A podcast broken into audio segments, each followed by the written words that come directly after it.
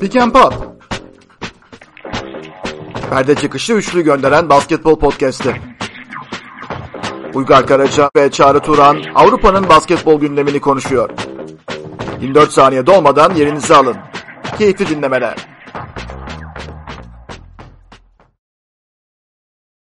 Pick Pop'a hoş geldiniz.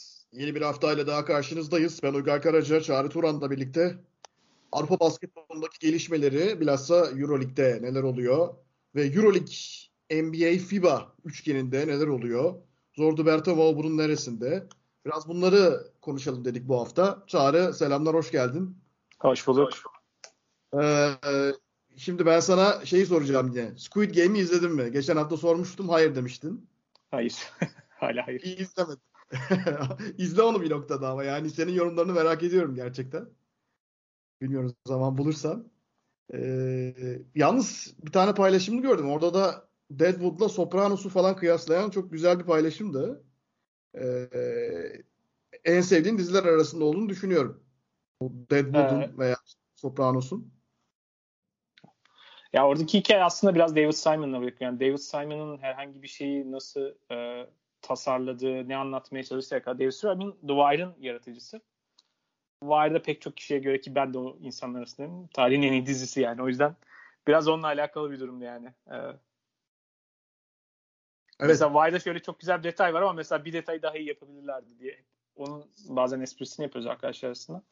Ee, işte Yunan mafyasının olduğu bir sezon var gündemde. Onların kendine ait bir mekanı var. Mekanda işte bir tane Olympiakos bayrağı var, flaması var. Güzel ama o dönemi düşününce yani biraz daha geri. Olympiakos fena bir seçim olmamış o anlamda. Mesela bir tık daha iyi bir seçimde Aris olabilirmiş yani mesela.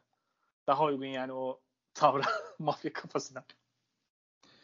Bu e, mafya kafasıyla ilgili işte Sopranos hikayesine benzer ama gerçek olan bir Denver Trashers hikayesi de var. O da yakın zamanda yine e, bu O çok Netflix güzel belgesel bu arada gerçekten. Süper değil mi?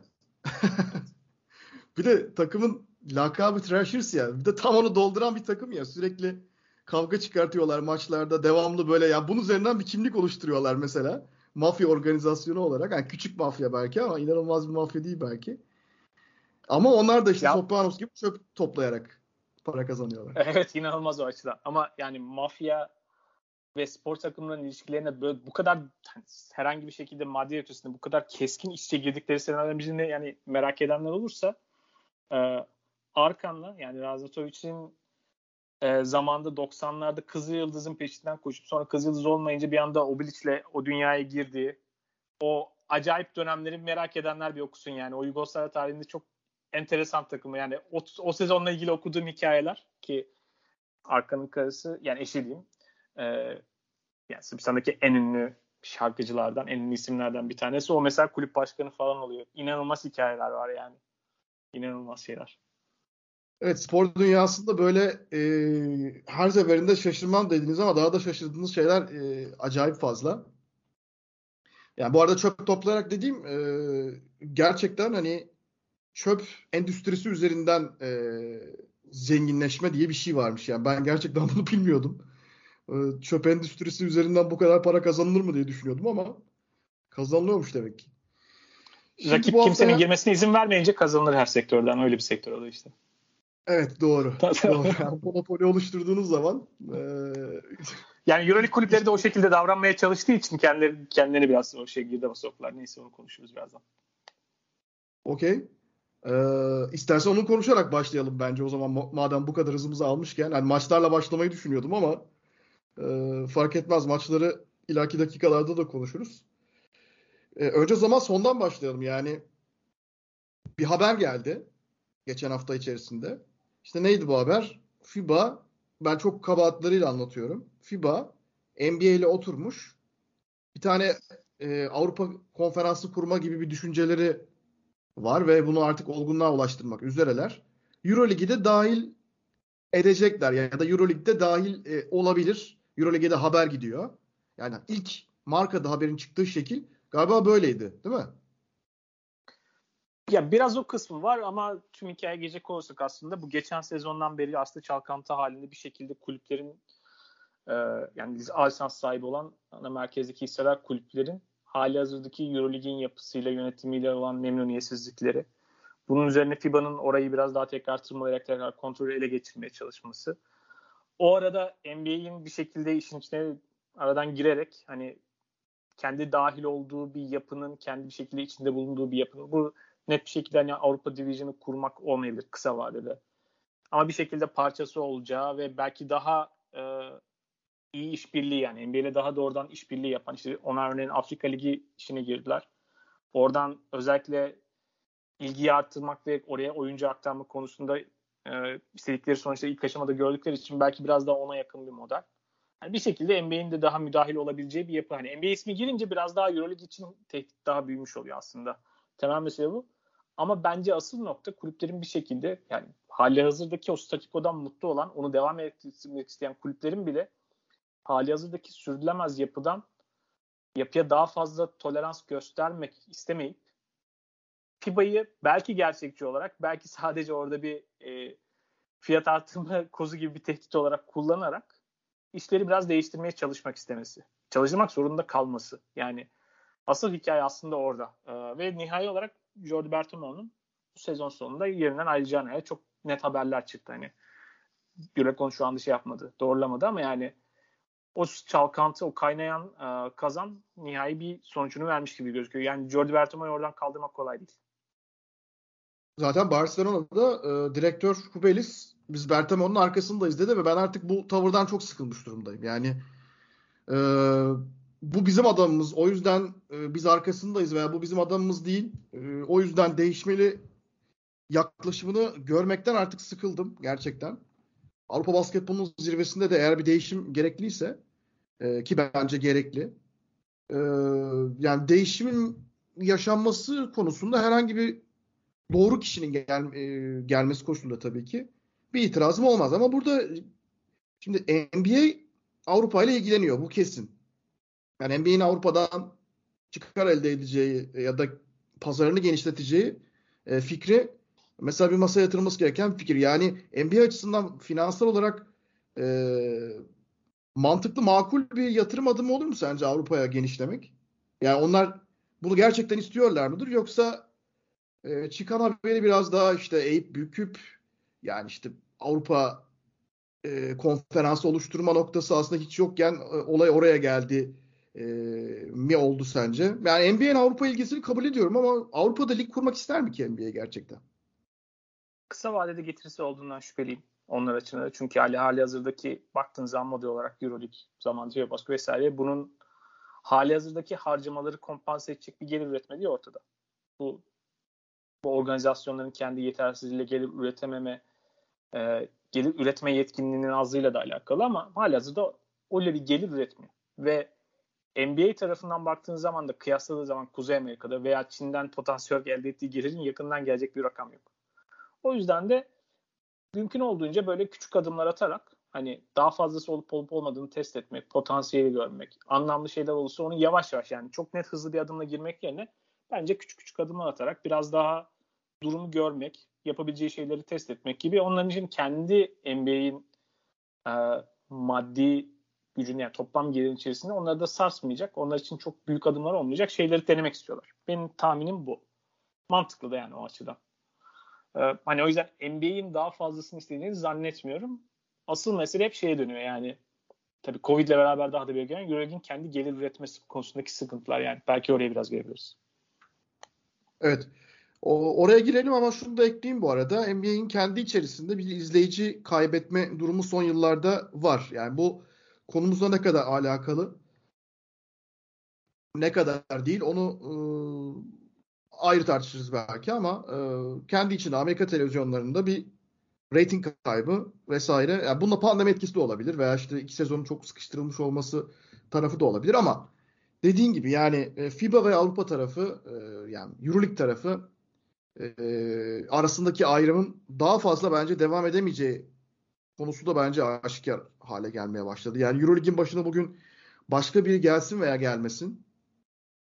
Ki onun için de galiba e, senin de bahsettiğin gibi Jordi Bertameo'nun yerine gelecek kişiyi bulmak için 3 kişilik bir ekip oluşturulmuş. Çıkan bir habere göre. Ne kadar doğrudur, ne kadar yanlıştır bilmiyorum. Böyle haberler her sene çıkıyor ama Bertemo bir şekilde her sene de orada. Şimdi e, diğer partnership'i yani diğer orta Euroleague yatırımlarının IMG mesela bu işe ne diyor?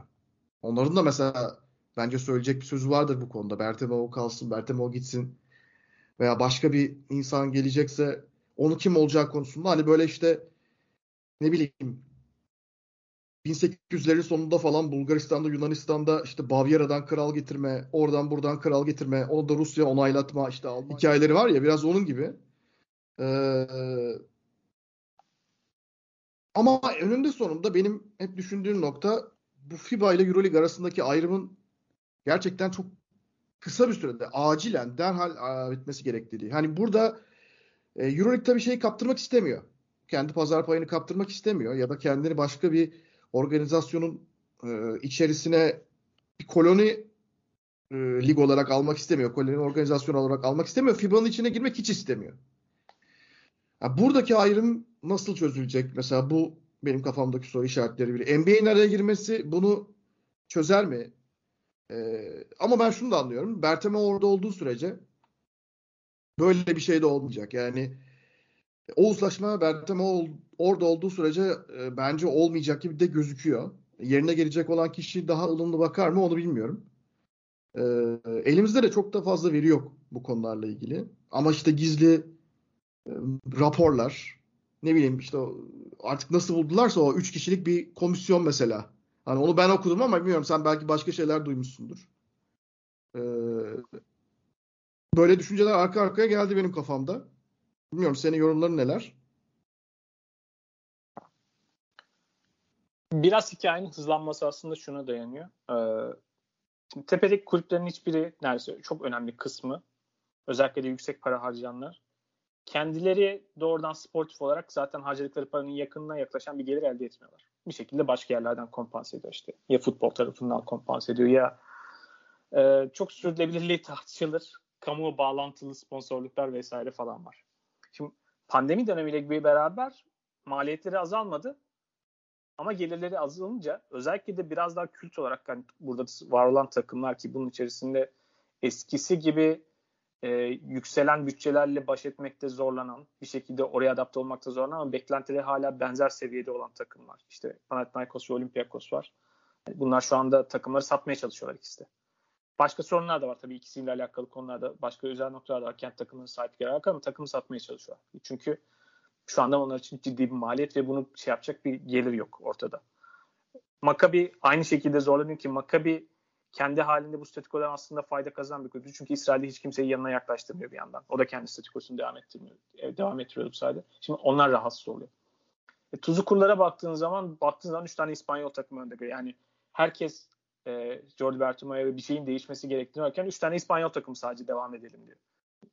Orası da çok tartışmalı bir yer. O yüzden her takımın kendine göre menfaatlerine göre karar verdiği ve o kulüplerin kısa vadeli ve bu kulüplerden bahsederken yani Kuzey Amerika'daki profesyonel organizasyonlardaki takımlardan bahsetmiyoruz. Yani para kazanma amaçları yok. O yüzden de bu işi çok böyle kapitalizm şeyini sokmak istemiyorum konuya ama o yüzden de çok fazla kısa vadede propaganda veya prestij ne derseniz deyin artık buna onun peşinden koşan kısa vadeli hedeflere odaklanmış organizasyonlar var. Onlar da burada kendi alanını korumaya çalışıyor. Kendi menfaatini korumaya çalışıyor ve daha büyük bir yapının yani herkesin faydasına olacak kolektif daha büyük bir yapının getireceği gelir veya faydadan ürün olarak elde edeceği nokta onların umurunda değil. Kendi organizasyonları da sürekliliği yok. Yani hepsinin bir sorun bir yönetim değiştiğinde başka bir şeye geçiyorlar. Basketbol bazıları için arka planda. Çok stabil yapılar değil. O yüzden de kimsenin o kadar da umurunda değil. Uzun vadede bu işin nereye gideceği, uzun vadede basketbolun geleceği ve Avrupa'daki durum vesaire. Bunlar hiçbirinin umurunda değil. Şimdi kısa vadede bakarken bile bu kadar gelirle odaklı olarak sarsılınca bazı kulüpler biraz daha o kazan kaynamaya başladı. Temel mesele aslında bu. Daha geçmişe gelirsem Euroleague FIBA'dan ayrılırken FIBA'nın kendi yetersizlikleri işte organizasyonel beceriksizlikleri. Sahada gördüğün hakem vesaire olarak çıkan ama aslında Euroleague döneminde de çok değişmeyen resim.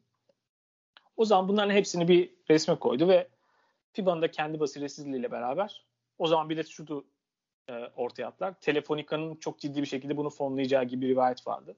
Hiç öyle bir şey olmadı. Bu şeyin arkasına takıldılar ve kulüpler bir şekilde oraya gitti. Şimdi Bir noktada ama bu altı doldurulmayan bir e, vaat oldu. Yani takımlar para kazanmıyor. Öyle bir gelirler elde edilmiyor. Gittikçe daha kapalı dönüyor. Hani bir şeyler sürekli bu arada formatlarla oynandı. Yani katılım şartları değişti. Yarı kapalı lige dönüştü. Lisanslar dışında yarı kapalının bile ötesine geçen daha kapalı bir organizasyon haline geldi. Bunu hep geleceği olacağız savundu.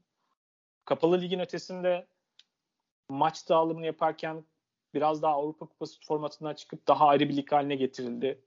Maç sayısı artınca hayatın güzel olacağı gibi varsayım oldu. Yani daha fazla yer olacağı gibi öyle bir şey yok. Çünkü temel kapalı lig prensiplerine hiç uymayan bir eşitsizlik üzerine kurulmuş ve bunu devam ettirmek isteyen kulüplerin merkezinde olduğu bir yapıdan bahsediyoruz. Yani Barcelona ister mi hali hazırdaki bütçesiyle her sene Final Four potansiyeldeyken daha dengeli bir harcamanın olacağı ve kendisinin o şekilde kazanma ihtimalinin daha düşük olduğu bir senaryo.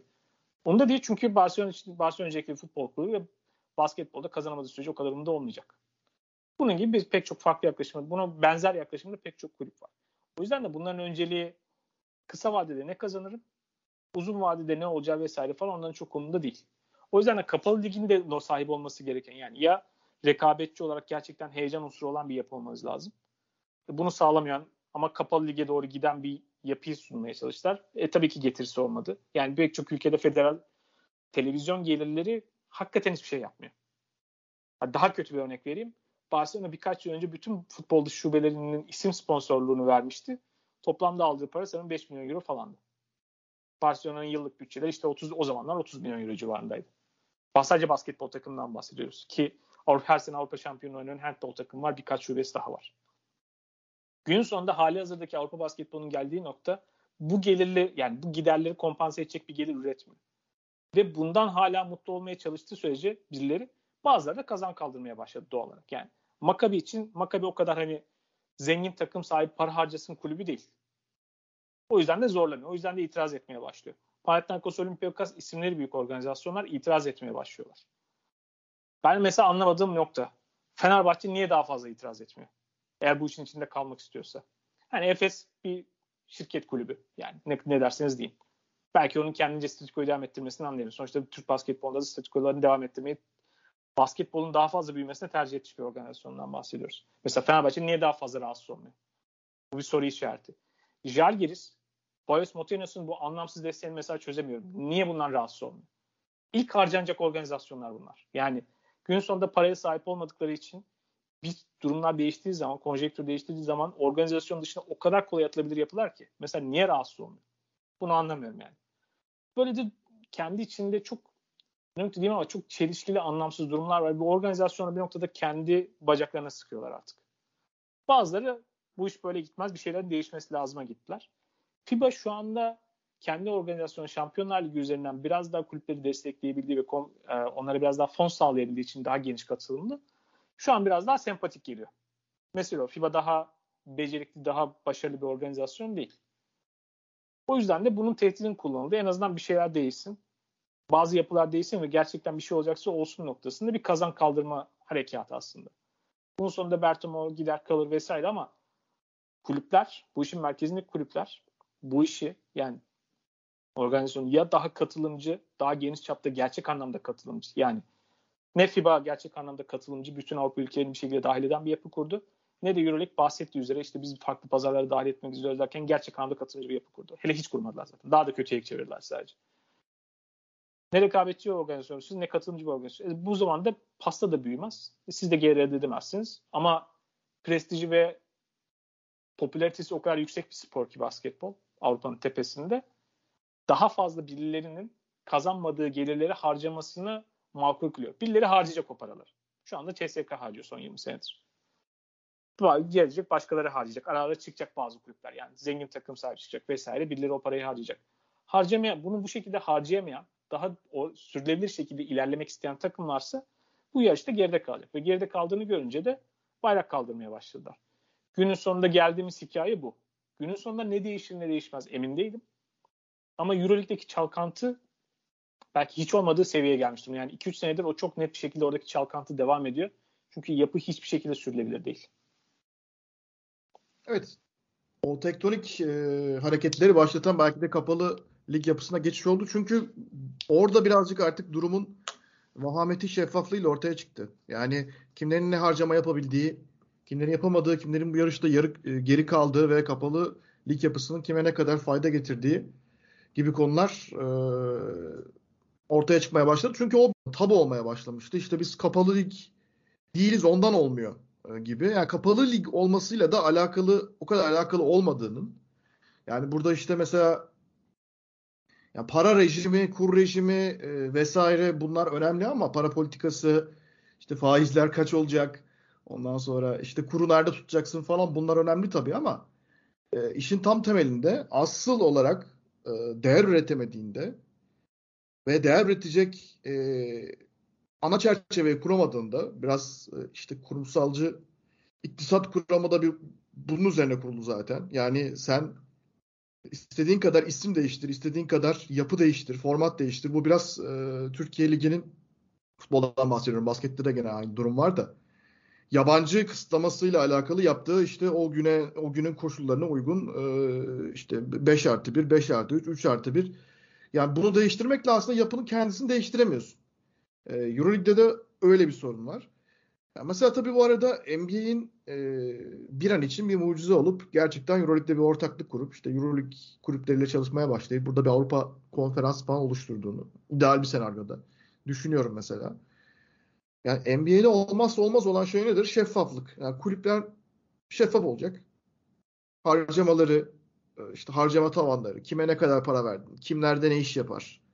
Ondan sonra istatistikler, ee, ya her şeye ulaşabiliyorsun NBA ile ilgili. En azından seyirciyi doyurabilecek, ikna edebilecek kadar bilgiye ulaşabiliyorsun. Bugün EuroLeague ile ilgili bir bütçe hesaplaması yapmaya kalksan, kim ne kadar, nereden ne kadar para alıyor, kimin ne kadar bütçesi var diye bir hesap çıkarmaya çalışsan yanılırsın. Bir şeyler bulursun belki. Birkaç menajere sorarsın, birkaç sportif direktöre sorarsın, birkaç kulüp belki bunun hesabını verebilir. Ama yaptığın hesaplamaların gerçek olanla çoğu zaman alakası olmuyor. Ve mesela bir NBA entegrasyonunda bu en önemli şeylerden biri ve bu böyle bir senede falan olabilecek bir şey değil. Bunun planlamasını yaparsan bunun olması 5 sene falan bence. Yani hızlandırılmış şekilde belki 3 seneye falan düşürebilirsin. Çünkü kulüp yapıları da ona göre şekillenecek. Financial fair play falan hikayeleri. Barcelona dediğin kulüp yıllardır Palau Blaugrana'yı yenileyecek hesapta. Yıllardır dedim de 10 10 senedir falan galiba. Öyle gidiyor bu hesap. Ve Euroleague'in kendi regülasyonlarına aykırı bir şekilde oynuyorlar. Hatta bununla ilgili haberler çıktı. İşte Euroleague'e para ödüyor, Euroleague'e ceza ödüyor sırf bunun yüzünden. İşte bu salon e, regülasyonlara uymadığı için e, ama bir şekilde özel izinle işte biz kulübü kulüp e, salonunu yenileyeceğiz anlaşması üzerinden tolerans tanındığı ve bununla ilgili para ödendiği falan iddia edilmişti ama para ödenmediği ortaya çıktı. Yani ceza ödemiyor Barcelona. Fakat Barcelona mesela salonu bir türlü yenileyemedi. Ve mevcut koşullarda işte Monaco'ya mesela izin verildi. Belli bir 10 bin kişilik kapasiteyi doldurman gerekiyor. Regülasyonu delindi. Böyle delilen o kadar çok regülasyon var ki ve bizim bildiklerimizin dışında bizim bilmediklerimiz de kesinlikle vardır. Doğru bir kurumsal altyapı oluşturamadığın sürece NBA'de hayal olur. FIBA ile Euroleague'in birleşip Avrupa'da basketbolu tek bir marka halinde ve e, daha güçlü, çok daha geniş pazarlara yayılabilecek şekilde daha verimli bir gelir üreten yapıya sokması ancak böyle bir kurumsal yapının oluşmasıyla mümkün. Şimdi Barcelona diyoruz. E, Bertemo'ya sahip çıktı. Euroleague'in bir şekilde statikosunun devam etmesini sağlıyor. Ya yani Barcelona'nın bir futbol kulübü olarak geldiği nokta da ortada. Maddi olarak ne kadar kötü yönetildiği. E, ya Messi'nin gitmesi demiyorum her oyuncu gider, her oyuncu kalır falan. Hani Messi kalır mıydı, gider miydi? tartışması değil bu ama kulübün çok ciddi bir finansal darboğazda olduğu Real Madrid'le beraber ortada. Ne kadar kötü yönetildiği de yıllardır yazılıyor, çiziliyor zaten. Geçen sene e, nasıl bir zarar ettikleri ortada basketbolda. E, ve bu kulüp Eurolig'in şu anda hani kur, kurucu kulüpleri arasında Bertemo'ya belki en fazla sahip çıkan kulüp vaziyetinde. Yani durum bu. Daha ne denebilir bunun üzerine? Ben hayal olarak görüyorum yani Eurolig'in e, NBA ile bir şekilde çok kısa bir süre içerisinde entegre olması ama NBA'in de işin içine girmiş olması FIBA'nın oynadığı bir karttır gibi geliyor bana. Fena bir gelişme de olmadı e, diye düşünüyorum. Benim son sözlerim bunlar bu konuda. Bilmiyorum sen eklemek ister misin yoksa maçlara geçelim. Ya temel mevzu aslında bu da yani halihazırdaki o sürdürülemez yapı ya akıl gibi değil bazı şeyler olanlar. Hani Euro o kadar kendini belki ileriye adım atabilecekken şeyler o kadar basit ve temel şeylerde o kadar kötü yapıyorlar ki o kadar beceriksiz bir organizasyon ki yani hani FIBA ile kıyaslıyor ve FIBA'nın gerçekten ne kadar beceriksiz olduğunu anlatmak çok zor. O kadar vasıfsız bir organizasyondan bahsediyorum. Ya bu haftanın maç programına baktım mesela işte Double Week. Ya Perşembe dört tane maç var. Hepsi aynı saatte başlar mı? Bu mudur vizyonunuz yani? Ve bu yıllardır devam eden saçma sapan bir şey. Yani bu en ufak detayları kadar böyle kendi kendini eğlendiren ve iyi yaptığına birilerini inandıran bu arada bu basketbol içerisindeki Euro kulüplerinin yöneticilerinin yetersizliğiyle alakalı bir şey anlatıyor veya kendi menfaatlerinin peşinde koşmasını da anlatıyor ama bu kadar temel şeyleri bile bu kadar yapamayan yani en basit şeyleri bile yapmaktan aciz bir organizasyon. Bu tabii ki yani bir şekilde geri üretemez. Evet. Gelişmeler merakla bekleniyor. Euroleague cephesinde, FIBA ve NBA cephesinde. Haftanın maçlarına geçelim. Bu hafta tek maç haftasıydı. Anadolu Efes zorlukla Onyx Kazan karşısında kazanmayı başardı ve ilk galibiyetini elde etti Euroleague'de bu sezon. Efes'e daha sonra gelelim. Önce Fenerbahçe ile başlayalım.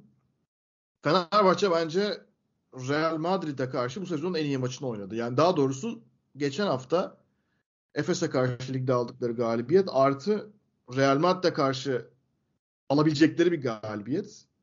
E ki bu zorlu fikstürde gerçekten onları çok rahatlatacak, çok nefes aldıracak bir galibiyet olabilir de önlerinde bir sürü zor maç var.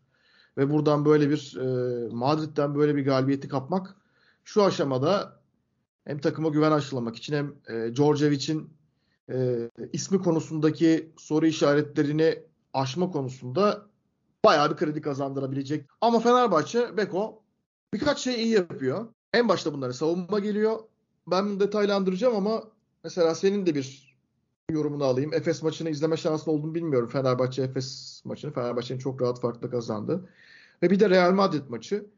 Ee, Unix kazan maçında gelen her ne kadar kazanın kötü olmasından kaynaklı bir büyük e, tarihi fark varsa da şu an kağıt üzerinde yani hiç maçları izlemem birisi Fenerbahçe'nin birçok şeyin e, fena gitmediğini iddia edebilir. Senin izlerimin ne olur mesela bu konuda? Ben Fenerbahçe ilk kez yani tüm maç olarak Euroleague'de ilk Real Madrid maçında izledim. Yani önümüzdeki birkaç maçı ya birkaç hafta içerisinde izleme fırsatım olsa belki daha net bir resim üzerinde konuşma şansım olur.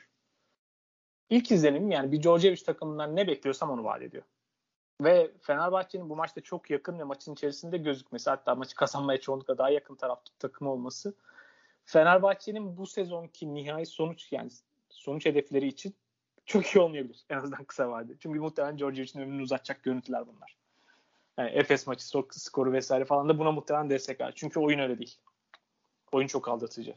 Bir Djordjevic takımına baktığım zaman genel beklentim yani ne yapmaya çalışıyorlar? İşte sahada muhtemelen çok ön plana çıkacak bir iki oyuncu var ve mümkün olunca topu onlara verip onları geri kalan oyuncuları biraz daha resmin dışında tutup kullanmayı beceremeyip tabii merkezdeki belki bir tane böyle topu skorer topu da kullanacak çok bir önce topu vermek işte belki sahada mutlaka böyle bir iki tane falan görev adamı bulundurup onların da işte kirli işleri yapması çalışan çok spontane bir takım. Virtus Bologna böyle oynuyordu. O yeteneğine rağmen Sırbistan milli takım da kısmen böyle bir takımdı. Yakın dönemden bahsediyorum. Daha eskiden çok güzel, daha da kötü takımlar var çünkü. Fenerbahçe'de o geçen sezonki Virtus Bologna çok benzer takım görüntüsünde. Yani isimler değişmiş durumda. Topu Dekolo'ya veriyorlar ki Dekolo hakkını verim yani. Teodosic falan ötesinde çok çok özel bir oyuncu. Yani Avrupa'nın en iyi birkaç oyuncudan biridir yıllarca ve CSK'nın niye bıraktığıyla alakalı hala anlaşılamayan bir nokta var. Danilo Dekolo o kadar iyi karar verici ve o kadar becerikli bir oyuncu ki çok fazla şeyi nötralize ediyor. Yani bu tip oyunculara böyle e, Fox deodorant falan denir yani. Her şeyi kapatır. Her türlü sıkıntıyı örter. Dekolo öyle bir oyuncu. Ve Fenerbahçe'nin özellikle hücumuyla alakalı pek çok şeyi kapatan, olduğundan çok daha iyi gösteren bir isim. Dekolo çıktığı zaman Dekolo'ya bir şekilde top verilmediği zaman yani Dekolo'nun üzerindeki baskının artacağı senaryolarda Fenerbahçe bu spontane kararları daha kötü karar vericiler üzerinden, daha ne yapacağını bilmeyen oyuncular üzerinden daha yetenek seviyesi olarak daha geride oyuncular üzerinden yer vermek zorunda kalıyor. O zaman da sıkıntılar başlıyor. Yani Fenerbahçe'nin bir kimliği yok görüntü itibariyle. Ne yaptığına, çalıştığına dair hani edindiğim en makul fikir bu. Bu sene üzerinde de yani mesela Wills o kadar kötü bir şekilde benziyor ki takım. Ee, işte şey Musazer veya işte Ahmet Tura vesaire işte geçen sezonki Payola'nın, Richie'nin vesaire rolüne benzer böyle işte kirli işleri yapsın falan çok öyle kullanılacak muhtemelen. Yani arada bakıyorum takımın organizasyonu işte aradaki screenler bir yere katlar falan çok rastgele görünüyor. Çok spontane görünüyor. Şimdi bu kadar bu seviyede artık bu kadar spontane değil. Biraz daha planlı oynamanız lazım. Ha, sezonun görece başı yani bir şeyler daha oturması beklemesi makul bir senaryodur ama Georgia için geçmişini düşündüğümüzde çok mantıklı görmüyorum bunu. Çok olası da görmüyorum. Geri kalan her şey e, o sınırların ötesine çıkamayacak. Bazı maçlarda iyi görünecek. Yani oynadığından veya sahada gösterdiğinden daha iyi görünecek. Bir takım olacaklar muhtemelen. Real Madrid maçında yani Real Madrid çok maçı Roland'da oynadı ve Real Madrid'in en kritik oyuncusu yoktu bu maçta yani Tavares. O şekilde maçın içinde kaldılar ama ben hani maçın gidişatı itibariyle baktığımda ya hiçbir anda Fenerbahçe gerçekten Real Madrid'den ya maçın sonunda Real Madrid frenler ve maçı alır diye hissetmedim. Ve sonunda da ya çok tuhaf bir an oldu yani. Gene tam Djordjevic'in yani gereksiz işleri yani. Ee, işte son 40 saniye vardı sanırım. 40 saniyede yani minimum 3 tane yani bir sayı iki sayı olan maçlarda minimum 3 tane pozisyon var. 4 tane olması çok olasıdır ki 4 pozisyon oldu sonrasında. Savunma için Dekola'yı çıkardı. Dechampierre'i koydu. Şimdi Dechampierre bence o kadar yine iyi bir birebir savunmacı değil. Ama Dekola'ya göre bazı zaaflarını koyarsanız yok. Mesela Dechampierre daha çok yardım savunması açısından daha iyi bir oyuncu. Onu koydu. O hücumda ondan sonraki işte savunmada işte bir şekilde basket yediler falan. Ondan sonraki hücumda çok kötüler ve son 2-2,5 dakika boyunca bütün yaratma yani hücumdaki yaratıcılık, işlerin hepsi Dekolo'dan çıktı yani. Bir pozisyonda işte Dekolo'yu örnek için, örneğin için son birkaç dakikada Jeffrey Taylor çıktı. Jeffrey Taylor'ın uyduğu bir anda çok akıllı bir şekilde yani Dekolo'nun son iki sezon içerisinde özellikle oyunda bir seviye daha öyle getirdiği şey çok kolay bir şekilde ve akıllı bir şekilde parlıyor. Bazen abartıyor ama çok kolay bir şekilde rakibini sürekli olarak tuzağa düşürüp faal oluyor ve faal çizgisine gidiyor. Çok efektif bir yöntem. Mesela öyle bir şey faal aldı. Başka bir pozisyonda asist yaptı. Yaratma sürekli onun eline bakıyor durumda. Ve geri kalan hiçbir oyuncudan yani bir kere yani basketbol olarak sahadaki herkesten ayrı bir noktada bir isim. Şimdi onu çıkardı. Kötü bir hücum oldu. Ondan sonra gereksiz bir faal yaptılar. Oradan fauller yendi. Fenerbahçe geriye düştü. Sonucumda gene bence çok iyi bir dizayn yoktu ama rakibin Dakolo'ya gereksiz yani onlar da bildiği için Dekolo'ya çok bir şekilde odaklandılar. Dekolo orada çok iyi pas çıkardı. Boşluk buldular, atamadılar vesaire derken kaybetti. Yani Dekolo'ya çok endeksli bir takım görüntüsü var doğal olarak. Ya geçen sezon Virtus'ta Teodos için ne rolü varsa Teodor, Dekolo'nun da rolü benzer şekilde olacak gibi görünüyor. O yüzden baktığım zaman hiç böyle yani bu Ziya Şengün falan bir tane laf vardı ya ne oldu yani. Abi baba bizi ne, ne oynadık bizi bile anlatsın falan diye. Öyle bir takım Fenerbahçe. Ve bunun çok değişeceğini de zannetmiyorum. Çünkü Georgievic'in CV'si bu. Hep böyleydi. Hali hazırdaki kaynakların kullanılamadığı bir yapı olacak Fenerbahçe. Playoff yapabilir. Playoff yapsa Fenerbahçe playoff'u geçeceğini hiç inanmıyorum. Georgievic'in bu hali hazırdaki yapısı yüzünden. Yani şu an yapılan o savunmadaki görece bir efor var. Ama çok çok akıllı ve planlı bir efor olduğunu söyleyemem. Mesela o eforu herkes yaklaştığı zaman ki Real Madrid o maçta yaklaştığı anda bir anda o farkı kapattı öne geçti. O nokta geldiğinde yani Mart ayı, Nisan ayı geldiğinde Fenerbahçe'nin bu hali ve bu koçluk yöntemiyle daha fazla ilerlemesi çok zor görünüyor. Yani ne bekliyorsan onu alıyorsun ama yani gene de izlerken yani ya bundan daha fazlası olması gerektiğini herhalde bu kadar keskin olarak düşündüren çok fazla koç yok ya. Yani. George şöyle bir koç maalesef. Evet. Kötü olan noktalar var. Onlara da ben birazdan geleceğim ama ben şu noktayı Fenerbahçe adına olumlu buluyorum. Georgiev sene başından beri sürekli olarak e, oyunculara yansıttığı bir mantalite olarak hep şunu söylüyor. Ben savunmaya önem veriyorum kardeşim. Tarık böyle soruyoruz. Savunma yapması lazım diyor. Öbürünü soruyoruz savunma yapması lazım diyor. Herkes çok sıkı savunma yapacak. Tamam yani. Savunma her takım için çok önemli. Sadece savunma yaparak da bir şeyleri çözmek imkansız. Yani sadece savunma yaparak Final Four'a gidemezsiniz. Ama istatistiklere dökülen şeylere baktığında Fenerbahçe adına olumlu bir savunma tablosu var mı? Fena değil. Mesela bu yaptığı Fenerbahçe'nin yapabildiği savunma sayesinde çok fazla transition basketi bulabildiklerini görüyoruz. Ee, şu anda Euroleague'de e, en fazla transition kullanan takımlar arasında ve bunları da en fazla sayı çeviren maç başına e, işte 5 transition falan buluyor Fenerbahçe. Yani oradan ekstradan bir belki e, hepsinin ikilik olduğunu düşünürsek 10 sayı olacak. Hepsinin üçlük olduğunu düşünürsek 15 sayı olacak. 12-13 sayı zaten ekstradan elde ediyorsun. Ee, bu tek başına yeter mi? Yetmez. Ama en azından hani bu söylediğini yapabiliyor olması en azından belli anlarda savunma yapabiliyor olması güzel. Ha savunmada hiç eksiği yok mu? Mükemmel bir savunması mı var Fenerbahçe'nin? Çok organize mi? Değil. O konuda sana katılıyorum. Mesela arka alan savunması. İşte bugünün basketbol e, alan yerleşiminde, hücum yerleşiminde nedir? Köşeye bir e, guard koyarsın veya işte köşeye bir tane forvet koyarsın. O köşedeki adam bütün savunma dengesini bozabilir. Neden? Çünkü onun savunmacısı bu alçak post bölgesinde biraz bu böyle bölgenin tam sınırında bekliyor haliyle. Tepeden gelebilecek ataklara karşı ve köşeye gidecek toplara karşı. Ve o arkadaki oyuncunun vereceği karar acayip önemli hale geliyor. E, onu o kadar iyi okuması lazım ki tepeden merkezden gelen e, penetrenin karşısında mı duracak? Onu ne zaman karşılayacak? Timingini nasıl yapacak? Eğer bunu yanlış yaparsa ya ortadan çok kolay basket yiyorsunuz ya da sürekli olarak köşe üçlü yiyorsunuz ki Fenerbahçe geçen sene acayip fazla köşe üçlü yiyordu. Bu kararları hiç veremediği için. Şimdi geçen seneye göre arka alan savunmasını Fenerbahçe daha iyi yapıyor mu? Bence hayır. Mesela Mario yok. Bu konuda e, savunma okuma becerisi sınırlı. Şu ana kadar görebildiğimiz o. Yani birebir savunmayı, birebir baskıyı yapmak bazen savunmada oyuncuyu iyi gösterebilir. Örtel bunun iyi örneklerinden biri. Bakarsınız deli gibi savunuyor. Yani bu adam galiba iyi savunmacı falan dersiniz ama kararlar e, meselesinde savunmada ne zaman ne karar alacak meselesinde Fenerbahçe hala e, sıkıntı yaşıyor ki bir oyuncu falan hata yaptığı zaman zaten o bütün savunma kurgusu dağılıyor. Bu, bu, bu kadar da önemli bir şey bu. Aslına bakarsak. Biraz Real Madrid maçında da o oldu. Ee, Real Madrid kritik noktalar geldiğinde, maçın kopma noktaları geldiğinde üçlük üstüne üçlük attı. Değil mi? Yani Rudy Fernandez e, hala bu yaşta o garip e, elden çıkardığı böyle hızlıca çıkardığı üçlüklerini ki çok acayip yerlerden gelebiliyor sahada bazen. 36 e, tane üçlük denedi Real Madrid. Yani Fenerbahçe'ye karşı ve 13 isabetli. E, biraz maçı da oradan kurtardılar ama bu e, Fenerbahçe'nin savunmasının eksik yönlerinden bir tanesi. Evet baskıyı kurabiliyorlar. E, e, ama inanılmaz organize değiller. Sonunda geldiğimiz nokta aynı oluyor seninle. Transition bulabilmeleri takımı ayakta tutan şey zaten.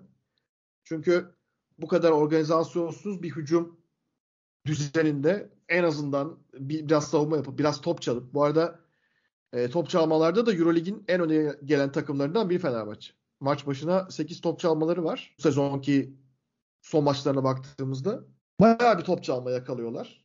Direkt top çalmalar yani rakibe potayı göstermeden gelen bu top çalmalar sayesinde biraz nefes alıyorlar.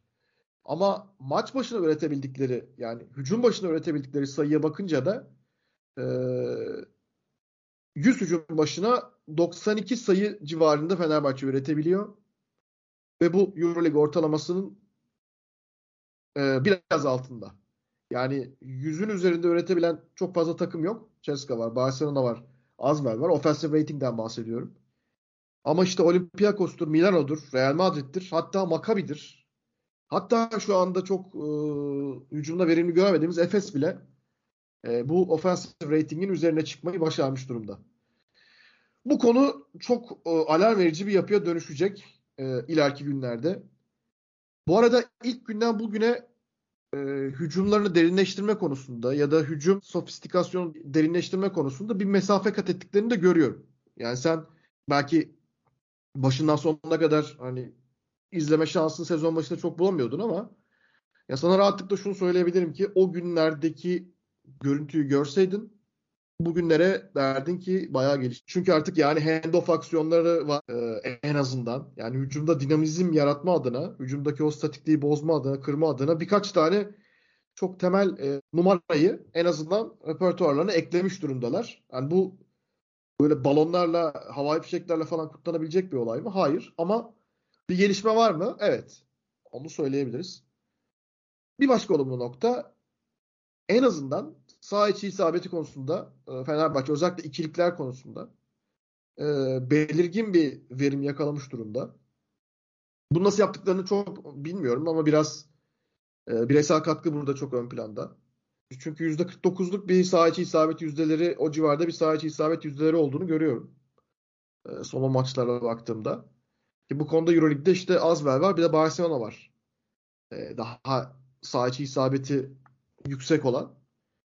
Bazı noktalarda olumlu şeyler, bazı noktalarda ama birçok noktada e, olumsuz şeyler gözlemliyoruz. Dediğim gibi yani benim Djordjevic adına beğendiğim, iyi bulduğum şeylerden bir söylediği şeyin üzerine çıkmıyor. Savunma yaptıracağım ben bu takıma dedi.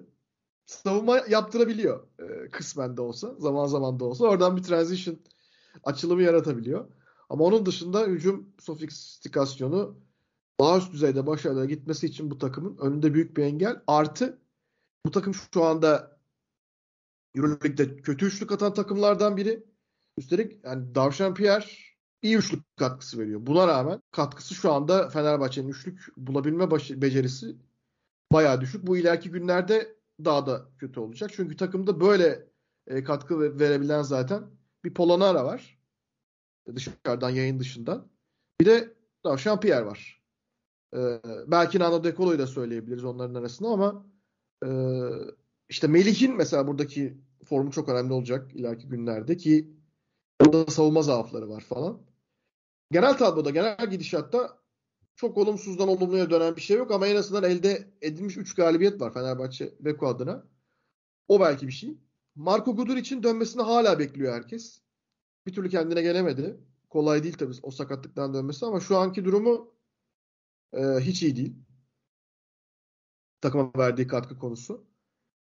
E, bu maratonda şu Real Madrid galibiyeti alınabilseydi çok çok iyi olacaktı onlar için. Ha, sen tabii başka türlü okuyorsun bunu yani. Djordjevic ne kadar erken giderse o kadar iyi diyorsun ama mesela içerideki Barcelona maçı merakla bekliyorum. Orada yine Real Madrid maçında olduğu gibi maçta kalabilecekler mi? Veya işte belki bir galibiyet koparabilecekler mi?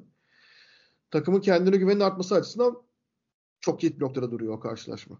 Yani işte eldeki plan tatmin etmiyor. Yani ikna etmiyor. Daha sonrasında hani evet ya şunu yapmaya çalışıyorlardı bu zamanla ileri gelir diyeceğim çok bir şey yok. Sıkıntı orada. Mesela takıma baktığım zaman yani Kore görece en takımın kuvvetli olabileceği hücum alanında şey farklı tipte çözümler sunabilecek işte top kullanacak kısa kanat oyuncularının vardı. Şimdi sen bütün topu her sürekli dekolaya verip o sen bir şey yap diye bırakırsan ve sürekli çok spontane bir düzen üzerinden hani bir organizasyonu bağlı bir alan paylaşımı, belli oyunları fazla kurgulamazsan o zaman geri kalan oyuncular çok verimsiz hale geliyor. Bir yandan tabii kadronun kurulmasıyla da alakalı ama görüntü yok ki yani Meral şey yok. Biraz topu elinde isteyen bir oyuncu. Yani ona ihtiyaç var. Hani topu bir şekilde pozisyon hazırlayarak da belki kullanabileceğiniz bir yapısı var ama şimdi o da topu eline aldığında topu kullan yani topla biraz zaman geçirmeye çalışıyor. Ona alternatif bir çözüm üretilmiş değil. Bir ara yani topu eline vermezsen çok ter, ters tepebilecek bir oyuncu. Ve hala da topu dekoloya vermeyi tercih etmiş durumda. Guduric ile alakalı ya tamam sakatlık vesaire faktör ama yani bence kullanım planı ile alakalı da bir sıkıntı var. Yani o tarafta işleri iyi gözükmüyor. Bunların hepsini düşününce bir yandan şimdi Şemus Azer'i de eğer devreye sokacaksan onlara topu vermen gerekiyor. O da topsuz çok anlamı olan bir oyuncu değil. E, ve bunlar bu, bu kadar topla oynamak isteyen oyuncular varken sürekli topu dekoloya verip her şeyi o yapsın istiyorsun. O planlasın istiyorsun. Ona teslim etmek istiyorsun. Yani uygulama kötü de tasarım çok daha kötü. Ve beni temelde ikna etmeyen bundan çok daha fazlası olması gereken dediğim nokta o. O yüzden ben çok şey diyeyim yani. Optimistiyim Fenerbahçe adına. Efes'e bakalım. Efes bu hafta öyle inanılmaz acayip bir hikaye yoktu. Biraz nefes aldıran bir galibiyet oldu Unix karşısında ki o da çok zor geldi. Eurolig'in bence şu anda abartmış olmayayım ama en kötü takım bence Unix kazan. Ee, hem senin de söyle, demin söylediğin e, kullanışlı tabirle tasarım hem de uygulama açısından. Gerçekten bu takıma Mario Hezonya'yı katmak kimin fikriydi ve ya Perasovic Hezonya bağlantısı olduğunu düşünüyorum sanki biraz. Ya bir Hırvat bağlantısı var galiba o işte Hezonya'yı ikna etme konusunda ama Hezonya gerçekten faydasından çok zarar veriyor şu anda Unix kazana. Sadece bir maç alabilen bir Unix kazan var. O maçta da Bayern'i yendiler. O maçı da veriyorlardı neredeyse. Yine son bölümdeki e, oyunla. Hafta sonu bir lig maçları vardı. Onu da uzatmada kazandılar. Ya Perasovic'in oradaki ömrünün çok uzun olmadığını düşünüyorum. Zaten bence o da inanılmaz bir beklentiyle şu anda takım çalıştırmıyor. Çünkü tamamen işte Isaiah Cannon, Lorenzo Brown'un bir de Mario Hezonya'nın eline topu bırakıyor. O takımda geçen senenin yıldızı John Brown görünmez oldu ya. John Brown'u göremiyorsun sahada. Yani etkisini hissettirebilecek ne savunma ne de hücum yapısı var. Çünkü John Brown ne yaparsa yapsın. Switch savunması yapıyor. Ee, James Gist beraber. Sen istediğin kadar switch savunmasıyla öndeki garda baskı yap. Arkada adamın e, demin bahsettiğim konu zamanlamayı ayarlayamıyorsa veya topa koşmuyorsa konuyla ilgilenmiyorsa senin yapabileceğin fazla bir şey yok ön tarafta. Yani Hezonya'da mesela 3-4 tane böyle anını yakaladım. Bırakıyor. Savunma yapmıyor mesela. He, kameralar oraya spot ettiğinde işte diyelim ki e, Bobo elinde topla geliyor. Hezonya'da birebir savunuyor. Oralarda bir şey yok. Birebir de geçmek o kadar kolay değil. Ama görünmeyen yerlerde, nispeten birinci planda olmayan yerlerde takım bitiriyor. zaman zaman. Bilmiyorum ben Ezonya'nın bu görüntüsü bana gücüme gitti yani. Ee, Euroleague'de. Ciddi de bir para aldığını düşünüyorum çünkü. Ezonya'nın Türk Telekom'a geleceği günü merakla bekliyorum. Böyle Türk Telekom seviyesine Hiç olmayacak bir şey değil. Hiç olmayacak yok, bir şey. Öyle bir şeyler olacak. Olur. Yani kariyerin gittiği nokta ve oyuncu modeli da öyle. Hani böyle sıkıntılı, gereksiz ismi olan ama organizasyon olarak da çok bir şey vaat etmeyen Türk Telekom gibi yerler için çok ideal bir isim yani Mario Özonya. Çok ideal. Onu bekliyorum. O, o gün gelir. Ee, şimdi Efes'e gelecek olursak Efes bu aralar bence yatıp kalkıp Adrian Moerman'ın bence ekstra e, hücum katkısını dua etmeli. Tamam işte Boboa taşıyormuş gibi gözüküyor biraz. E, Larkin ortalarda yok. Larkin'in ortaya çıkabileceği çünkü hücum düzeni yok. Yani Mitsic orada e, çok fazla pick and roll oynuyordu. Ve belli bir e, gerçekim vardı Mitsic'in. Larkin de Mitsic'in zayıflattığı alanlardan içeriye sızıyordu. Yani tamamen tamamen Mitsic'e odaklanmaya çalıştığınız zaman yani ikisi beraber oynadığı zaman aynı anda sahada oynamasından bahsetmiyorum belki ama ikisi aynı takım kadro içerisinde, aynı maç kadrosunda olduğu zaman durdurulması Larkin'in çok zor oluyor. Yani ikisi beraber geldiği zaman e, double trouble etkisiyle ekspansiyonel art ofansif verimliliğiniz.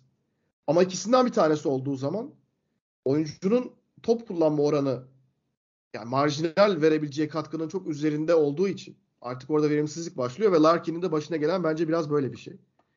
Ee, Boba ve Muarman. Yani şu anda ana temel e, sayı üretebilme yöntemleri bu. İşte Elijah Bryant geldi. Yani Allah ona da yardımcı olsun diyelim. Çünkü bir anda geldi ve şöyle bir durumla karşı karşıya kaldı. Arkadaş bizim takımın durumu şu anda böyle. Al kurtar bu takımı.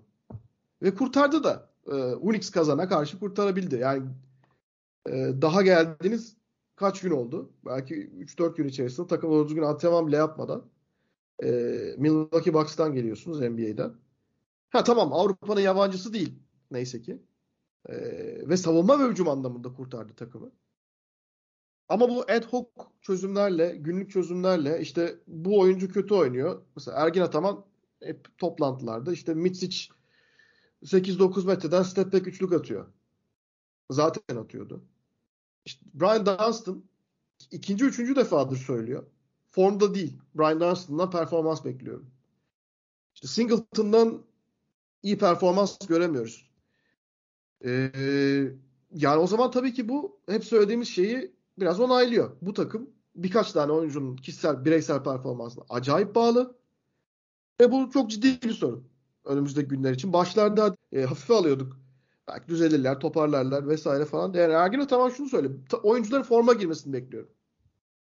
Oyuncular forma girene kadar Efes 10 maçta 3 galibiyette falan kalabilir.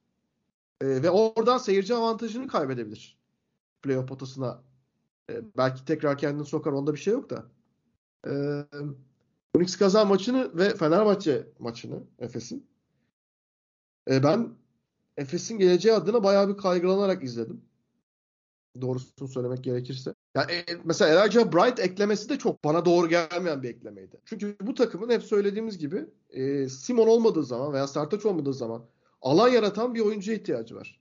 E, bu takımın öyle bir oyuncusu yok. Alan yaratan bir oyuncusu yok mesela. Sorun birebir rebound almak işte e, agresif savunma yapmak e, ki Ergin Ataman'ın da hep söylediği şeyler bunlar. Sorun bence o değil. Bu takım hücum akışını e, belli bir istikrara oturacak, alan yaratıcı, oyun açıcı, e, topsuz oyunu iyi oynayacak ya da öyle söyleyeyim. E, bir oyuncuya ihtiyaç duyuyor. Ertan Gazi her ne kadar Unix kazan maçında iyi oynadıysa da klasik Ergin Ataman wild cardlarından biri olarak herkesin beklemediği şaşırtıcı opsiyon olarak X faktör olarak oyuna girdi ve maçı kurtaranlardan biri oldu o da. Öyle bir oyuncuya ihtiyacı var ve öyle bir oyuncu Efes'te yok. James Anderson sakatlığı iki hafta daha devam edecekmiş. Miçic belki olmayacak. Yine bir süre daha sakatlığı belli değil. Dizinin üzerinde bir kas yırtığı varmış. Filip Petrushev'i gözden çıkarmış durumda bence Ergin Ataman.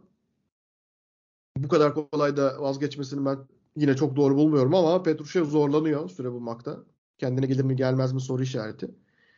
Eurolig'in en kötü takımı Unix kazanan karşısında gelen böyle bir galibiyet. Hiç tatmin olmadım, hiç ikna olmadım. Umarım daha iyiye gider diyorum Efes için. Ee, senin notların var mı? Ya biraz çok bahsettiğin şey ama aynı şeyi tekrar ediyoruz sürekli. Ergin Ataman yapısı olarak oyuncuların rolleri budur. Sen bunu yapacaksın. O kadar diyor. Ve oyunculardan bunu bekliyor. Yani içerideki yapının kendi kendine bir şekilde alternatif senaryoları hazırlayacağı, peki bu oyuncuların hepsinin istediği durumda olmadığı, o rolü yerine getiremediği durumda başka oyunculara yardım etmek için yapısal olarak işte sahadaki düzen olarak, şematik olarak nasıl destek oluyorsun dediğimde çok bir şey yok yani. Bazen işte oyuncu yapmayayım. Okey bu oyuncu girsin o zaman bunu yapalım. Oradaki ayarlama seviyesi, değişiklik yapma seviyesi çok az. Ve o yüzden kendinizi çok böyle yüksek varyanslı bir alana bırakıyorsunuz. Yani ya her şey çok iyi gidiyor. Rakibi 30'a bağlayabilirsiniz. Ya da işler kötü gitmiyor. Euroleague'in en vasat takımını yenilirsiniz. O yüzden oradaki şey arası yok yani. Ve bu tip durumlarda yani her zaman herkesin onda aynı seviyede formda olmadığı durumlarda belki eksiklerinizin olduğu durumlarda aradaki durumu idare edecek alternatif çözümleri sunabilmeniz lazım. Ergen tamam takımda bunu yapmaya çalışmıyor fazla yani. Her şey biraz kendi kendine yoluna otursun. Oyuncular forma girsin. Oyuncular gelen görevi yapsın. Doğruları yapsın vesaire. Peki o zaman oyuncu yapmanın da doğru yapması için ona yardım olacak destek olman hakkında ne yapıyorsunuz? Onun çok cevabını görmedik yani. Ee, şimdi mesela Shane Larkin'in istediği verimde olmadığı aşikar. O. Yani Shane Larkin de forma yani bir şekilde o gün o şutu girerse tamam işler yolunda şut girmezse kötü. Ya bu kısır döngüye girilmiş durumda ve bu git, iyi gitmiyor yani.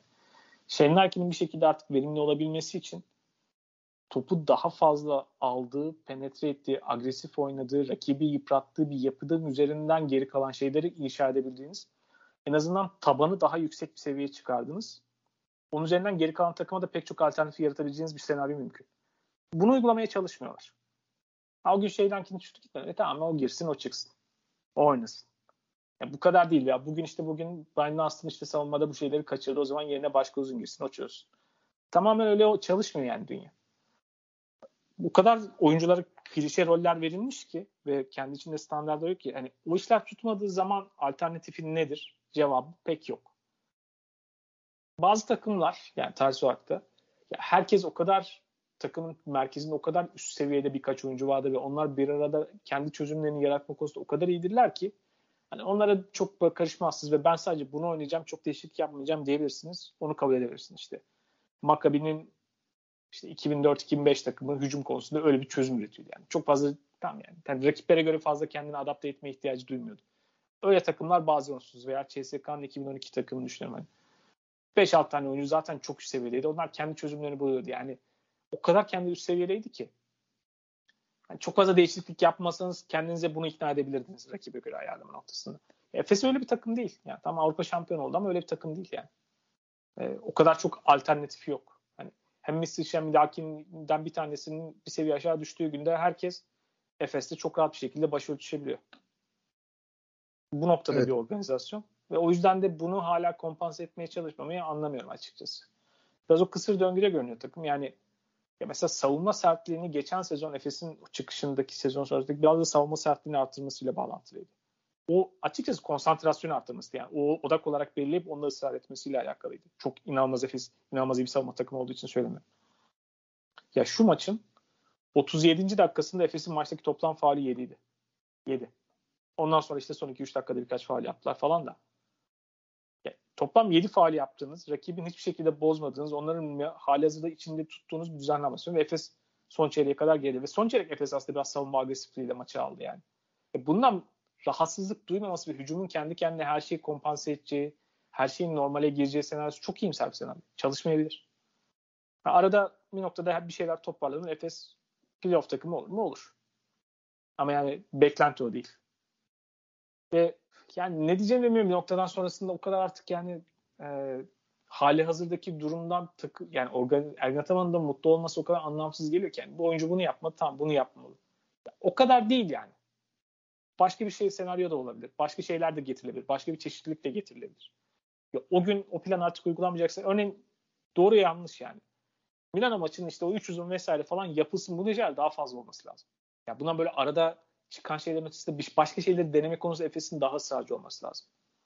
Bir de Efes'in kendi içinde yani Efes artık niye, yap, niye yapmadığını kazanmadığını biliyor. Yani o savunma konsantrasyonunda, hücumdaki doğruları yapma konusunda ısrarda çalışmadığı zaman bile. Ya bunu yapmayıp böyle kendi kendine takılan oyuncuların aşırı özgürlüğü olan bir organ yapı olarak 40 dakikayı çıkaramıyorsunuz belli ki. Milano maçında biraz daha 5 dakika daha bu konsantrasyonu ve doğrular üzerinde ısrarcılığı yapsaydınız maçı almıştınız. Bu maçta bunu 7-8 dakika yerine 15 dakika yapsaydınız maçı 15 sayıyla almıştınız. Yani bu kadar net görünüyor bir yandan. Efes'in bir yandan da o kadar rakip, pek çok rakibe göre üstün olabilecek yanları var ama bir hani taktiksel olarak o çeşitlilikten uzak kalmak ama öte yandan da doğruları yapma konusunda gerekli ısrarı göstermemek ve kolaya kaçmayı anlamıyorum yani. Biraz çok izlerken biraz oluyor yani bir şekilde hakkını vermeyen takımlar, organizasyonlar izleyici izleme açısından şey keyifsiz, tatsız yani. Efes öyle bir takım. Şu an çok tatsız, tutsuz bir takım. Evet evet. Bu arada 3 uzun konusunda sana katılmıyorum. Yani değişiklik arama konusunda katılıyorum ama o 3 uzun düzen ha bu tuttu. E, Makabi pardon Milan maçında bu tuttu. O zaman Fenerbahçe'ye karşı da böyle başlayalım. Neden olmasın derseniz 25 sayı fark yersiniz. 30 sayı fark yersiniz. onu, onu görmedim. Fenerbahçe maçında aynı taktiği izledim görmedim. Tabii tabii. Yine aynı şey yapıldı. Tabii. Ki o Milan, Milan bir şey noktada çözüm işte. üretmişti yani. Hani o bir çözüm yani. Alternatif. Yani onda ısrar, yani mesela onda o kadar süre ısrar etmek de anlamsız. Hani o kadar mı oyun okunmuyor yani? Hayır penaltı kullanılıyor. Kaleci olarak bir köşe tutarsınız. Sağ köşeyi tuttunuz mesela. Adam da sağa vurdu. Ee, yani kalecinin sağına vurdu. Kurtarır kaleci. Şimdi bu sağ köşe hep doğru köşe midir mesela o anda? Yani o anda doğru çıktı diye onun doğru çözüm ol, olup olmadığını süzebilmesi lazım bu takım diye düşünüyorum. Neyse. İşte Hı-hı. orada şöyle bir sıkıntı çıkıyor. Oyuncularda bunları yönlendirme bak şöyle şöyle yapmışsınız. Bir arada oynarken bakın hani biri giderken buraya gidin. Hani bir arada oyuncuların oynamasıyla alakalı bazı kuralların ve prensiplerin benimsenmesi lazım. Efes'te o prensiplerin olduğunu ya fazla yok ya da onlar zayıf durumda. İşte bak bu şekilde alan paylaşır, bu şekilde yapar. Hani bir oyuncu rolünü yapamadığı zaman diğer oyuncuların bir arada bir reaksiyon vermesi lazım. O kadar birebire kalmış durumda ki hücumda da savunmada. Sen bunu yapacaksın özellikle de savunmada. Ha oyuncu rebound yani reboundu bu kişi çözsün. Geri kalanlar okey takılabilir. Ya böyle olmayan rebound O yüzden reboundlarda kaybediyorsun. Kaybettiğin reboundlarda kompanse edemiyorsun yani.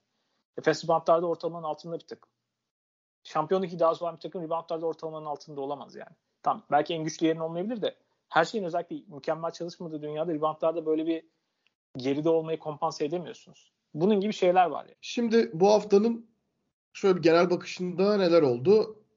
5'te 5 yapan iki tane takımımız var. Biri Barcelona ki gerçekten Zenit'in ilk birkaç dakika dışında hiçbir şey yapamadığı Barcelona'nın tamamen sürklase ettiği bir maç. Xavi Pascual'in Zenit'ini böylece geçen seneki playoff'unda e, soğuk terler dök, döktükleri playoff'unda rövanşını almış oldular. Zenit'te gidişat her ne kadar iki galibiyetleri olsa da iyi değil bence. Baskonya Monaco çok bir şey söyleyen bir maç mıydı? Emin değilim. Baskonya kazandı maçı. Güzel bir Alba Berlin galibiyeti izledim ben.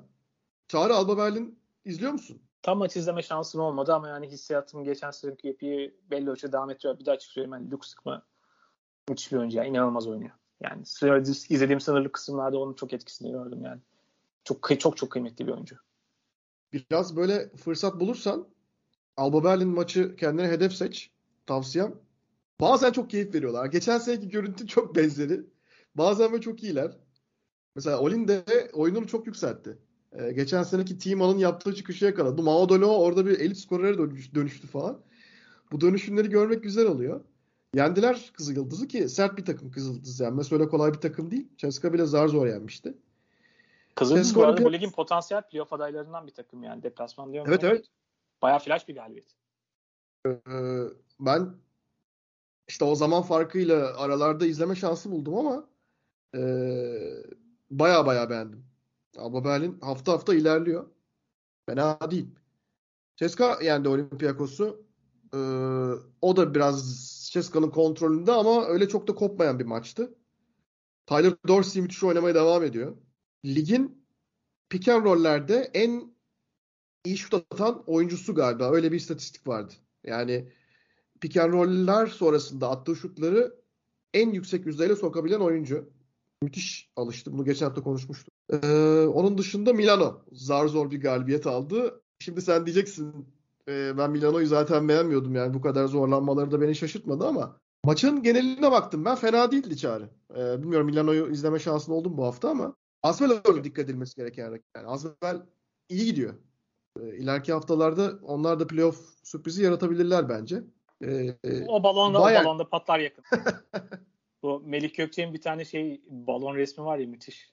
Her bir şey ihtiyaç olduğunca oradaki balonun üzerindeki ismi değiştirip bir yerlere atıyorum. Oraya bir de şey koyarız. TJ Parker koyarız oraya. Ama Okobo kurtaracak galiba TJ Parker'ı. Acayipler Chris Jones'la beraber. Ama Chris Bakalım. Jones'a şaşırmadım. Chris Jones maalesef Maccabi'nin hakkını veremedik kullanamadığı oyunculardan biridir. Bence çok Maccabi'ye uygun bir oyuncuydu. Yani Chris Jones yani Türkiye Ligi'nin oynadığı yerde bayağı yaktı yıktı yani. O kadar etkili bir oyuncuydu. Bence çok da uygun bir oyuncu o, o, sistemlere. Bir de Maccabi e, Panathinaikos maçı 77-73 bitti. Aslında Maccabi'nin rahat götürüyor gibi gözüktüğü bir maç. Fakat bu Spiropoulos döneminde e, son iki senedir oturmayan şeylerin hala oturmadığını e, Maccabi'de bize anlatan bir maç olduğunu düşünüyorum. E, Panathinaikos iyi coaching ile yönetilen bir takım olduğunu düşünüyorum. Yani orada Priftis elinden geleni yapmaya çalışıyor. Bazı şeyleri değiştiriyor, bazı küçük e, kalibrasyonlar yapıyor ve maçta tutmaya çalışıyor takımı ama Şimdi Yogi Ferrell'ın katılımıyla tabii belki biraz daha hücum yönü güçlenen bir takım olduğu gibi gözüküyor ama hala birçok şey oturmadı Panathinaikos'ta. Panathinaikos'u yenmek marifet değil şu dönemde. Onu söylemeye çalışıyorum.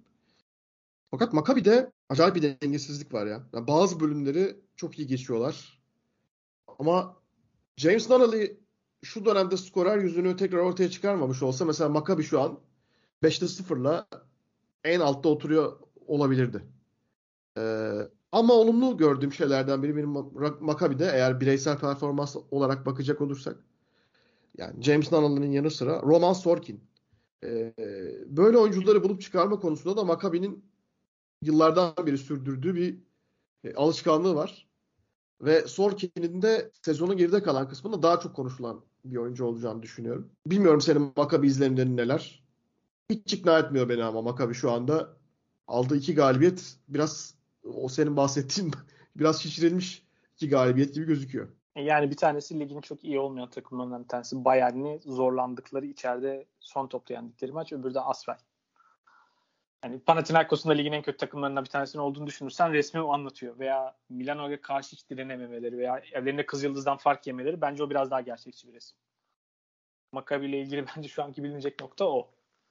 Ben Milano maçını biraz seyretmeye çalıştım. Yani gerçekten acı verici bir deneyim. Ee, dayanamadım.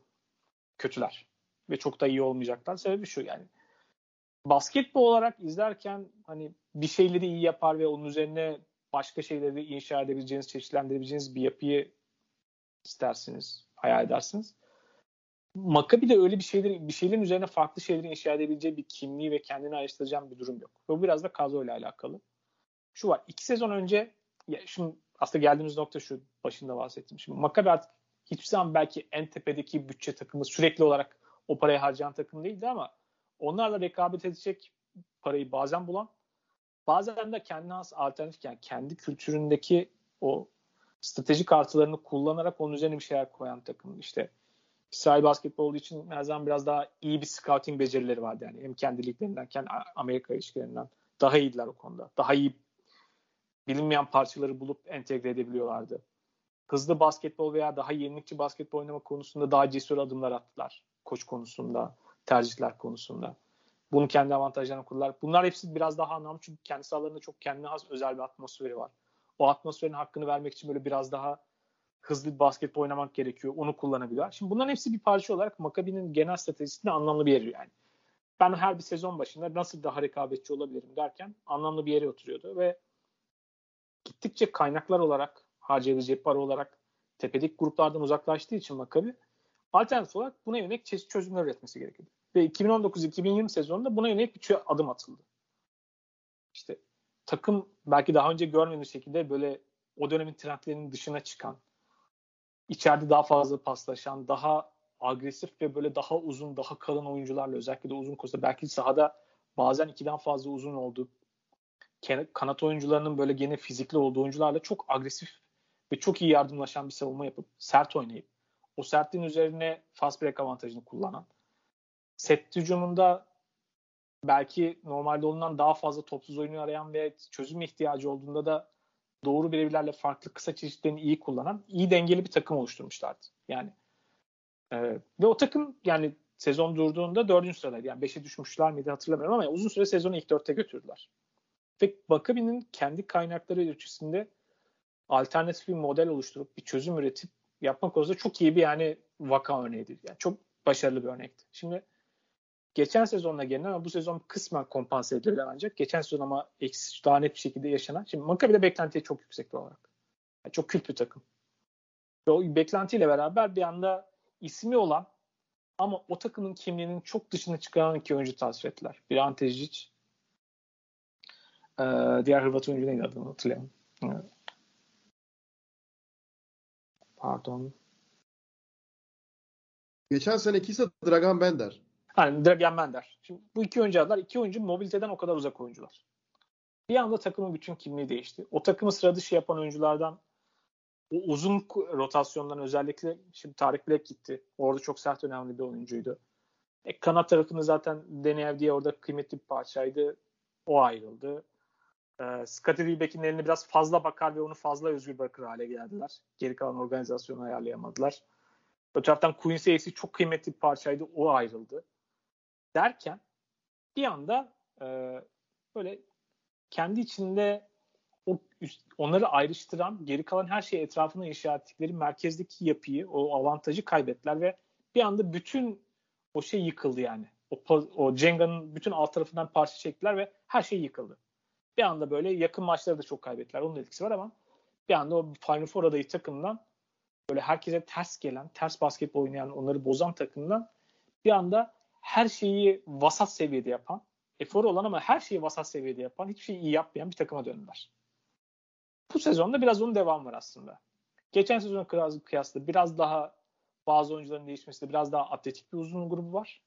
Ama onun dışında e, set ucumu çözüm önerisi olarak veya savunmadaki anlayış olarak böyle çok ayrışmayan, kendine has bir fark yaratamayan bir takım haline geldiler. Ve yukarıdaki takımlarla kıyasladığın zaman o kaynaklara oyuncu yeteneğine sahip değilseniz, yetenek tabanı olarak alternatif bir şey üretmeniz gerekiyor. Bu takım o alternatif bir çözüme sahip değil. Alternatif bir modele sahip değil artık.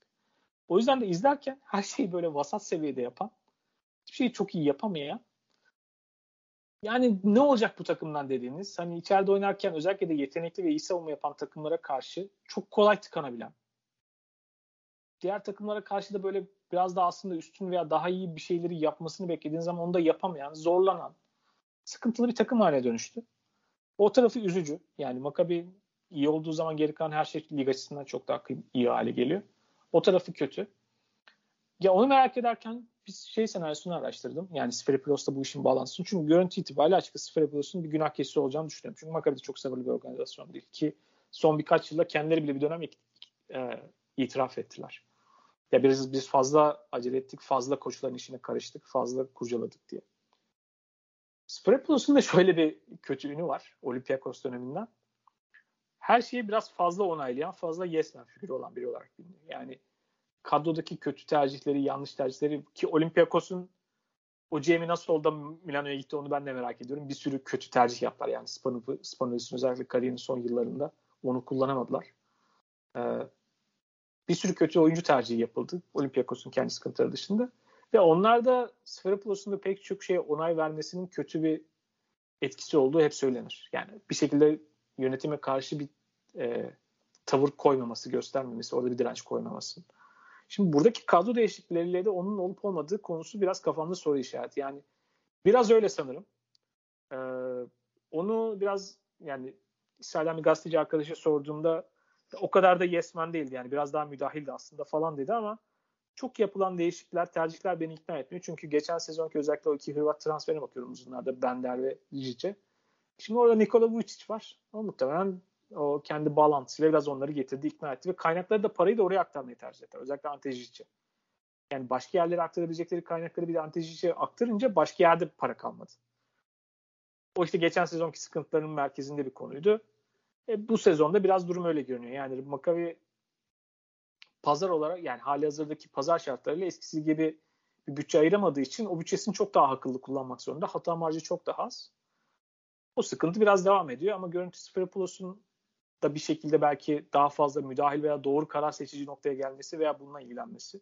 Sferopoulos iyi seçim yapıyor mu, iyi kadro kuruyor mu bilmiyorum ama şundan eminim Sferopoulos eğer kurulan kadroyu optimize etmek için çok uygun bir isim yani eldeki şartlarda. Yani ne kadar dağınık, tuhaf, böyle bir arada uyumsuz bir kadro bile olsa.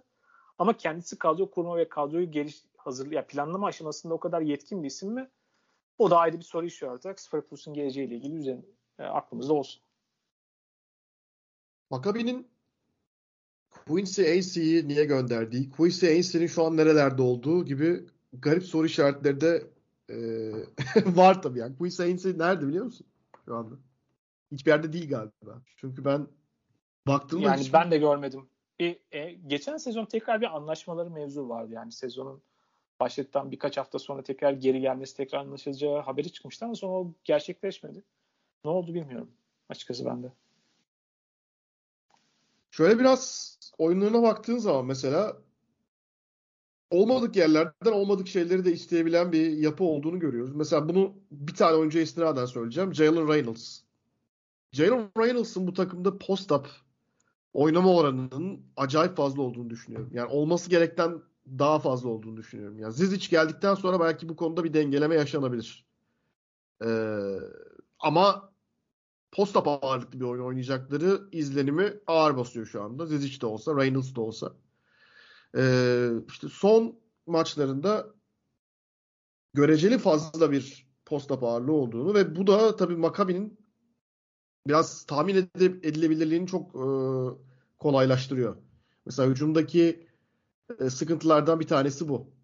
Önceden çok guard ağırlıklı oynuyorlardı. İşte Elijah Bryant oradan atıyordu. Wilbeck'in, Dorsey. Üç ayrı noktalarda e, devreye girip kendilerince bir şekilde maçı kurtarmaya çalışıyorlardı. Ama şu anda Maccabi'de Reynolds iyi bir sezon geçirdi. Ben büyük gelişim kaydettiğini düşünüyorum. Post-up oyununda da post-up oyunu paslaşmasında da ama mesela oynadığı post-up oyunları ürettiği sayılara bakacak olursak veya diğer oynanan oyun çeşitliliğine bakacak olursak bence çok aşırı fazla. Yani bu konuda bir dengeleme yapması gerekecek e, sıfır olsun. Eğer her şeyin daha Orada olması. şöyle seni bölerek sana bir şey ekleyeyim. Ee, mesela bu iki sezon önceki iyi takımda şöyle bir olay vardı.